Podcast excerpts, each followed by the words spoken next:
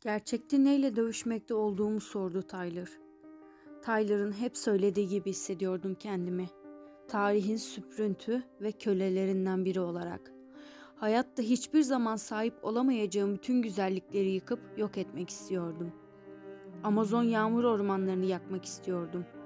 Uzaya klorofluorkarbon gazlarını pompalayıp ozon tabakasında koca koca delikler açmak istiyordum.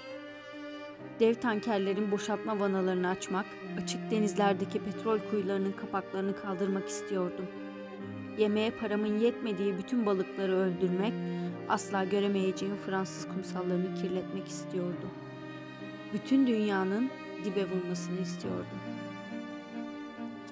Binlerce yıldır insanoğlu bu gezegendeki her şeyin içine etmiş, her şeyi boka çevirmişti.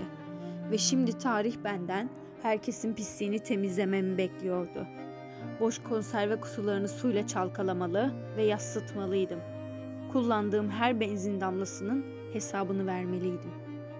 Ayrıca nükleer atıkların, gömülmüş mazot tanklarının ve ben doğmadan bir kuşak önce atılmış çöplerin oluşturduğu zehirli yığınların faturasını üstlenmek zorundaydım. Ciğerlerime duman kokusu çekmek istiyordum. Kargaşa projesi fikri Tyler'ın aklına o sabah kahvaltıda gelmişti. Dünyadan tarihi söküp atmak istiyorduk. Dövüş kulübü Çak Palanya